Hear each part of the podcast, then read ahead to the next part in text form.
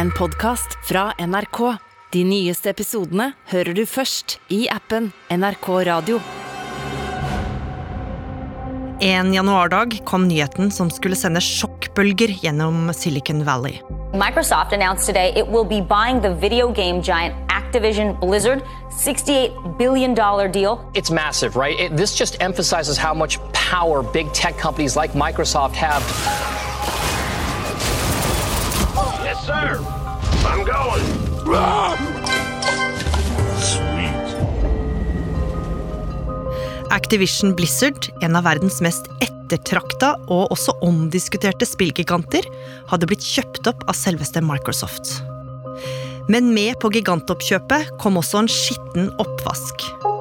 More than 1,500 Activision Blizzard employees are calling for the resignation of the company's CEO, Bobby Kotick. A frat boy culture. That is how Activision Blizzard is now being described. Hva er det egentlig som har foregått på innsida hos spillgiganten? Og kan en av verdens største og en gang mest elskede spillselskap komme seg på beina igjen? Hører på Oppdatert. Jeg heter Gry Veiby.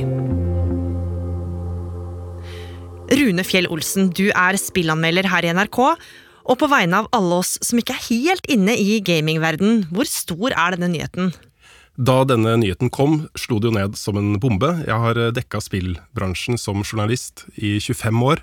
Jeg har aldri vært borti noe tilsvarende oppkjøp. Dette er større enn alt annet som har skjedd i spillbransjen til nå. Og Activision Blizzard har jo fulgt min spillinteresse i over 30 år.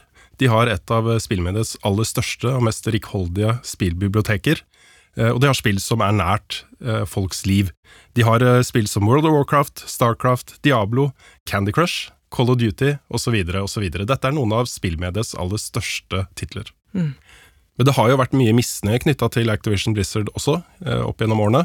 Så da dette oppkjøpet ble kjent, ble også mange veldig overraska. Dette er jo et selskap som har en god del svin på skogen. For Blizzard har jo vært prega av mange skandaler. Og det hele starta nærmest på et gutterom på 90-tallet. Av tre kompiser som nettopp var ferdig på college, og som hadde et ønske om å skape spill sammen. Og Utover 90-tallet så skapte de flere spill, og denne kompisgjengen de bygde seg kjapt opp til å bli et ordentlig selskap. Og i 2004 kom det som skulle bli deres store gjennombrudd, nemlig fantasy-rollespillet World of Warcraft. The tenuous pact between the Horde and the Alliance has all but evaporated. The drums of war thunder once again.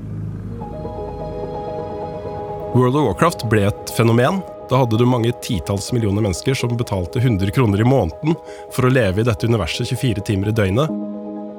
Det oppsto vennskap, kjærlighetsforhold osv. osv. Blizzard ble en del av livene til folk på en måte som ingen hadde sett før.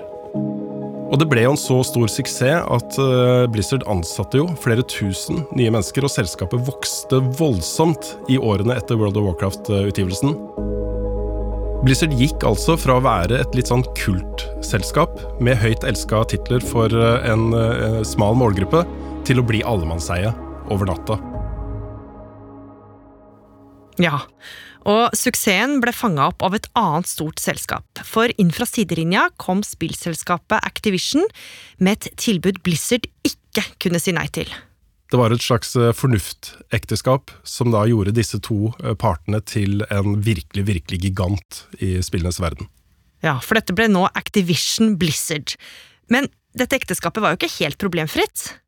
Nei, for dette var jo to selskaper med vidt forskjellig kultur. Blizzard var opptatt av å lage kvalitetsspill, mens Activision kanskje var mer opptatt av profitt. Og dette fikk jo konsekvenser, for litt etter litt så begynte det å slå sprekker i fasaden. Ja, de havna i en del skandaler. Den første skandalen var i 2019, da en veldig kjent personlighet uttalte seg støttende for Hongkong under en spillturnering. Hvor da Blizzard reagerte umiddelbart ved å stenge streamen hans og kaste han ut fra sitt community. Og en av de største aksjeeierne i Activision Blizzard var fra Kina, Så her følte jo eh, communityet seg sensurert. De følte at ytringsfriheten deres var under angrep, og at de ikke lenger fikk lov til å snakke om de tingene de var opptatt av. For det andre ble det kjent at det var mye misnøye med de interne arbeidsforholdene i Blizzard. Det ble laget et Excel-ark hvor alle ansatte kunne legge inn sin eh, stillingsbeskrivelse og lønn, og så ble dette da sammenlignet med tilsvarende stillinger i resten av bransjen, og det de fant ut, var at arbeidsvilkårene i Blizzard var mye dårligere enn mange andre steder. Og da hørte vi historier eh, lekket da, fra de ansatte om at ledelsens respons var at alle som jobbet der, var heldige som fikk lov til å jobbe i Blizzard, og at det var lett å fylle deres plasser med andre. Det skulle ikke stoppe der, for det skulle komme nok en skandale. Denne gangen under en av de årlige spillfestivalene til Activision Blizzard, hvor tusenvis av fans hadde møtt opp. Hello, BlizzCon! Og på denne BlizzCon-festivalen hadde Blizzard sagt at det skulle komme et nytt spill i en av deres mest elskede serier, Diablo. We love the way Diablo has brought millions of players around the world together to slay demons. Og fansen satt i salen og venta mens de sto på scenen. We want to use mobile devices as the platform for a new Diablo game. Og så viste det seg at det skulle komme til mobil. Og fansen trodde rett og slett ikke på det de hørte. Hey, uh, just was wondering, is this uh, an out of season April Fool's joke? Og hvorfor var det et problem at det kom som mobilspill og ikke PC-spill? Blizzard var kjent som et hardcore PC-selskap, og Diablo var kjent som en hardcore PC-serie. Og det at det skulle komme til mobil, var ikke det fansen hadde sett for seg i det hele tatt. Men selv om det var mye misnøye, og mange av fansen var skuffa, så fortsatte folk å spille. Ja, folk var fortsatt veldig glad i Blizzard, og fortsatte å kjøpe spillene deres. Men så, i juli i fjor, skulle det skje noe som skulle sende selskapet utafor stupet. For da ble det klart at Activision Blizzard i all hemmelighet hadde blitt etterforska og nå var saksøkt av staten California for blant annet grov trakassering av kvinner. Nå fikk offentligheten høre tidligere helt ukjente metoo-historier. Ja, nå kunne folk eh, lese i avisene, se på nyhetene, eh, få med seg på nettet alle disse grufulle historiene eh, fra hva som har foregått på innsiden av disse selskapene. Og det var vondt å lese, rett og slett. Female employees make up around 20% of the company's workforce. They're subjected to what is described as pervasive frat boy culture. For example, so called cube crawls, in which male employees apparently drink a lot of alcohol, often engaging in inappropriate behavior toward female employees. I disse dokumentene ble det jo beskrevet en slags guttastemning-kultur hvor det bl.a. var historier om mannlige eh, ansatte og sjefer som drakk seg fulle på jobb, krabbet rundt i kontorlandskapet, tafsa på kvinnelige ansatte. Det var historier om forbigåelser, om eh, trakassering, om mobbing av kvinnelige ansatte og andre. Det kom historier fra BlizzCon, hvor sjefer i Blizzard hadde da en suite de kalte The Cosby Suite, med et innrammet bilde av Bill Cosby, hvor det ble snakka om alle de tingene de skulle gjøre med navngitte kvinnelige kollegaer. Og det var ikke bare internt man kunne se den uh, holdningen til kvinner. Da en kvinnelig fan konfronterte Blizzard med hvordan de representerer kvinner i spillene deres under BlizzCon, så ble hun latterliggjort av uh, utviklerne. Hi there, uh, from Kieran Tour. Um, I love what you guys done with Little Crest. I love the fact that you have a lot of very strong female characters. However, I was wondering if we could have some that don't look like they've stepped out of a Victoria's Secrets catalog.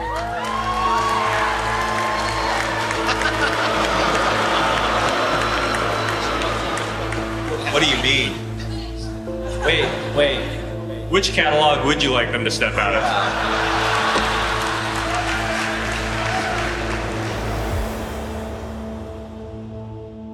Og dette er jo historier vi kjenner godt fra andre bransjer også, når det gjelder metoo. Eh, Og det var et sjokk for eh, alle at dette også gjaldt et selskap som Blizzard. Og denne guttastemningen den skulle ha gått spesielt hardt utover kvinnene som jobba der. Ja, I mange tilfeller var det jo snakk om en konstant og langvarig, vedvarende seksuell trakassering. Eh, masse uønska seksuell oppmerksomhet fra mannlige kollegaer og sjefer. Mange kvinner skal også ha blitt forbigått i forfremmelser. Og pga. dette søksmålet og etterforskninga i forkant, så ble alt dette nå altså gjort kjent for resten av verden. Og mens veldig mange reagerte med avsky og fordømmelse, så var selskapet selv helt uenig i kritikken. Ja, Den umiddelbare responsen fra Activision Blizzard ble jo ansett av mange som utrolig tonedøv. Det ble sagt bl.a. at påstandene i rapporten fra delstaten California eh, var tatt ut av sammenheng, og at det ikke var en god representasjon av hvordan folk faktisk hadde det på jobb. Det ble også sagt at Activision Blizzard hadde jobbet med å forbedre kulturen i selskapet over flere år, og at de skulle fortsette den innsatsen eh, også framover. Men dette var det jo flere ansatte som reagerte på, for de kjente seg igjen i denne guttakulturen myndighetene mente at selskapet hadde. Ja, De mente jo at ledelsen ikke tok dette seriøst nok, og at de ikke hadde gjort nok for å forbedre arbeidssituasjonen eh, de hadde. Og det ble startet en underskriftskampanje hvor de krevde at ledelsen skulle ta dette på alvor. Og dette var jo ikke gode nyheter for selskapet. For ikke bare gikk ryktene nå om at de var ramma av en metoo-skandale, nå begynte også flere av de ansatte å vende ryggen til dem. Men det skulle bli verre, for det viste seg at det var flere som hadde gravd i hva som egentlig skjedde på innsida av storselskapet Activision Blizzard. For på høsten, bare måneder etter metoo-skandalen først traff overskriftene, så kom storavisa Wall Street Journal med en kjempeavsløring. Ja, for dette søksmålet fra California hadde jo åpna litt slusene for eh, de ansatte. Nå var det tillatt eh, å snakke om hvordan de faktisk hadde det på jobb. Og Wall Street Journal hadde jo da snakket med massevis av folk på innsiden eh, som fortalte sine historier, og da kom det jo fram mange nye historier, andre historier, enn de vi kunne lese i søksmålsdokumentene. Og Den største eh, avsløringen Wall Street Journal kom med da, var at mannen på toppen, Bobby Kotick, både hadde visst om og aktivt forsøkt å skjule denne type aktiviteter i selskapet i årevis. Ja. Og det var særlig én sak som var spesielt urovekkende. Hva var den saken? Jo, Ifølge avisa skal en kvinnelig ansatt ha fortalt personalavdelinga og ledere at hun ble skjenka og voldtatt av en sjef flere ganger, men ingenting skjedde. Og til avisa skal folk på innsiden som kjente til denne saken, ha sagt at denne kvinnen og Activision Blizzard skal ha kommet fram til et eh, forlik. Altså at det ble lagt penger på bordet for at saken ikke skulle tas videre juridisk. Ja, og Det som var spesielt, var jo at toppsjefen Bobby Kotick ifølge avisa ikke hadde tatt denne saken videre til styret, og mange mente jo at dette var nok et tegn på kulturen i selskapet, hvor ubehagelige ting ble feid under teppet. Activision is under fire from multiple regulatory fronts about its culture of harassment towards women. Bobby Kotick was involved over the years, knew of many allegations, including um, alleged rapes at one studio. Og Kotick selv han svarte ikke på disse anklagene i avisa, men det gjorde en talsperson i Activision Blizzard, som sa til avisa at de hadde starta en intern undersøkelse av denne saken, og at de noen år tidligere hadde sparka sjefen som angivelig da hadde stått bak overgrepene.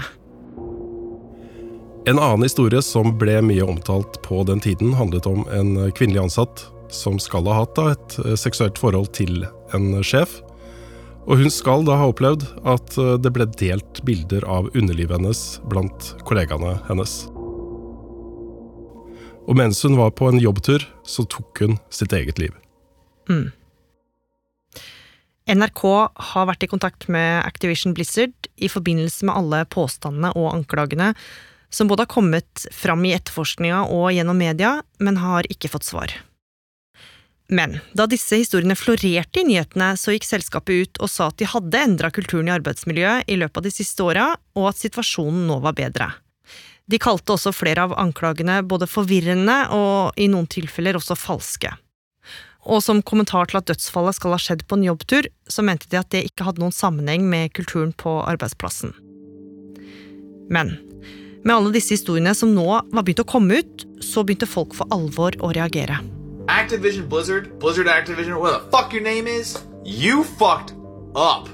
You guys wonder why there's no Call of Duty updates? You wonder why retail WoW is in the fucking shitter? You wonder why there's nothing coming out with Hearthstone? You wonder why StarCraft 2 is in the worst state ever? You wonder why Overwatch 2 is not being developed? You wonder why all this shit's happening? This is why. I have enjoyed Activision Blizzard games for years. I will no longer be supporting them. As a rape and sexual survivor, it doesn't matter how good the game is. Rape culture and sexual harassment does not belong in the workplace, where women just want to work and succeed. Og Rune, nå begynte de ansatte å organisere seg.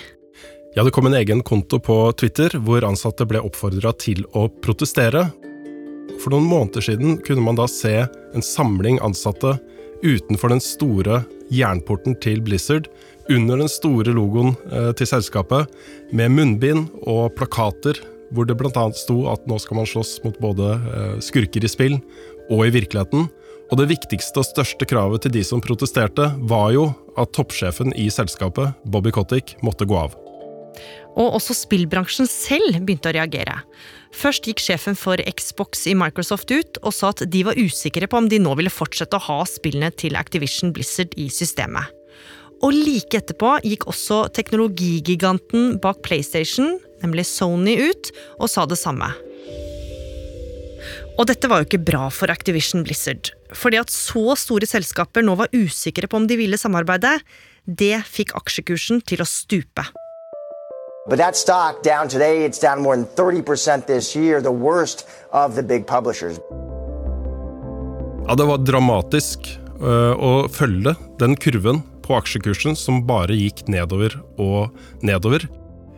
Og da såpass store verdier bare forsvant fra selskapet, fikk Activision Blizzard-ledelsen et kjempeproblem. Activision Blizzard var avhengig av tillit fra de som eier aksjer i selskapet, og den tilliten var nå borte. Det kunne jo bety at aksjeeierne krevde deres avgang. Nå så det virkelig mørkt ut. Ikke bare var selskapet ramma av en stor metoo-krise, aksjene deres var også på full fart nedover. Så nå skulle man kanskje tro at det var over og ut for Activision Blizzard, og mange forventa at ledelsen skulle bli bedt om å gå av, eller at spillmerkevaren deres ville bli solgt én og én til andre selskaper. Men så skulle Activision Blizzard få en uventa håndsutrekning. For det viste seg at teknologigiganten Microsoft øyna en mulighet. Ja, De så rett og slett muligheten til å kjøpe hele Activision Blizzard. Jeg satt på trikken på vei hjem, hadde akkurat vært i byen for å spille inn et ukentlig eh, spillnyhetsmagasin på YouTube. Eh, og fikk en melding fra kollegaen min Carl, som eh, ba meg da, rett og slett bare om å sjekke Twitter. Der sto det da at Microsoft planla å kjøpe opp Activision Blizzard. Kunne først virke som et vilt rykte, såpass utrolig var det. Men så gikk jo Microsoft ut kort tid etterpå og bekrefta intensjonen om å kjøpe Activision Blizzard for da svimlende 600 milliarder kroner. Hva gjorde du da? Dette er en sånn type nyhetssak som uh, snur opp ned på alt man holder på med når man er spilljournalist. Dette det blir ikke større, altså. Men Rune, hva vil egentlig Microsoft med dette skandaleridde selskapet? Nei, Hvis man ser bort ifra alle disse uh, rapportene om interne arbeidsforhold i selskapet, så sitter jo Activision Blizzard på noen av de mest ettertrakta og populære uh, spillene i, i verden. Det Microsoft har, er en tjeneste som heter GamePass, som uh, er en abonnementstjeneste som ligner på Netflix og Spotify. Man betaler en fast månedlig sum, og så får man fri tilgang til hele biblioteket. Og Microsoft ser for seg en fremtid der flere og flere kommer til å velge å gjøre det. De har 25 millioner betalende abonnenter i dag. Det tallet kan fort bli mange hundre millioner mennesker. Og jo bedre det biblioteket er, jo flere kommer til å velge å abonnere på GamePass. I tillegg har også Activision King, med Candy Crush og Call of Duty Mobile og noen av verdens største mobilsuksesser, og dette er en kompetanse Microsoft ikke har i stor grad fra før. Så ser vi her liksom et verdensherredømme på en måte i spillverden? Ja, nå er Microsoft faktisk verdens tredje største utgiver av spill, bak kinesiske Tencent og Sony, og er en betydelig maktfaktor i spillindustrien. Men det er et stort eh, hinder her fortsatt. Eh, amerikanske konkurransemyndigheter skal jo se på dette oppkjøpet, og se da om Microsoft i det hele tatt har lov til å kjøpe opp Activision Blizzard. Det er jo mye kritikk av big tech i USA blant politikere. Vi har sett høringer av Google og eh, Facebook og Microsoft tidligere. Så nå vil det da bli en prosess hvor de skal gå gjennom oppkjøpet og se da om Microsoft vil få et for stort monopol i spillbransjen i USA. Ok, men det jeg lurer på nå, Rune, kan vi stole på at denne guttastemningen er ute av dette selskapet nå? Det er jo viktig å si da, at denne guttastemningen har jo preget store deler av spillbransjen i mange, mange år, helt siden oppstarten. Eh, og alle disse historiene og alle disse sakene som løftes fram nå, eh, bidrar jo til å sette søkelyset på det, på samme måte som det har gjort i andre eh, bransjer. Eh, det er flott at dette har inntatt spillbransjen nå, og jeg opplever jo det som om eh, toppledelsen i Microsoft har vært mye, mye tydeligere at denne typen ukultur ikke hører hjemme i spillbransjen i det hele tatt, enn det toppledelsen i Activision Blizzard har eh, vært. Og så må vi ikke glemme at dette søksmålet fra staten California, den er jo ikke over. Denne saken vil jo rulle og gå en stund til. Det kan bli forlik, det kan bli rettssak, men den vil uansett fortsette på et eller annet vis. Og så er det jo tross alt sånn at eh, det er massevis av eh, ansatte i Activision Blizzard som har fått sparken pga. disse historiene.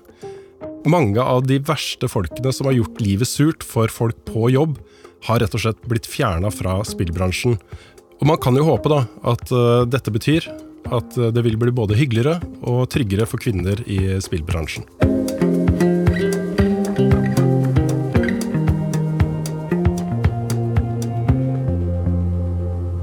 Oppdatert er en podkast fra NRK Nyheter. Og denne episoden er laga av Kaja Kirsebom, Andreas Berge, Pål Gauslo Sivertsen og meg, Gry Veiby. Programredaktør er Knut Magnus Berge. Og likte du det du hørte, så får du gjerne tipse en venn om oss. Lyden du hørte i denne episoden, kommer fra Fox, Activision Blizzard, CNBC, King, Nexius, NCBC, Yongye, The Recount, CBS, PBS, NBC og TikTok. Du har hørt en podkast fra NRK. De nyeste episodene hører du først i appen NRK Radio.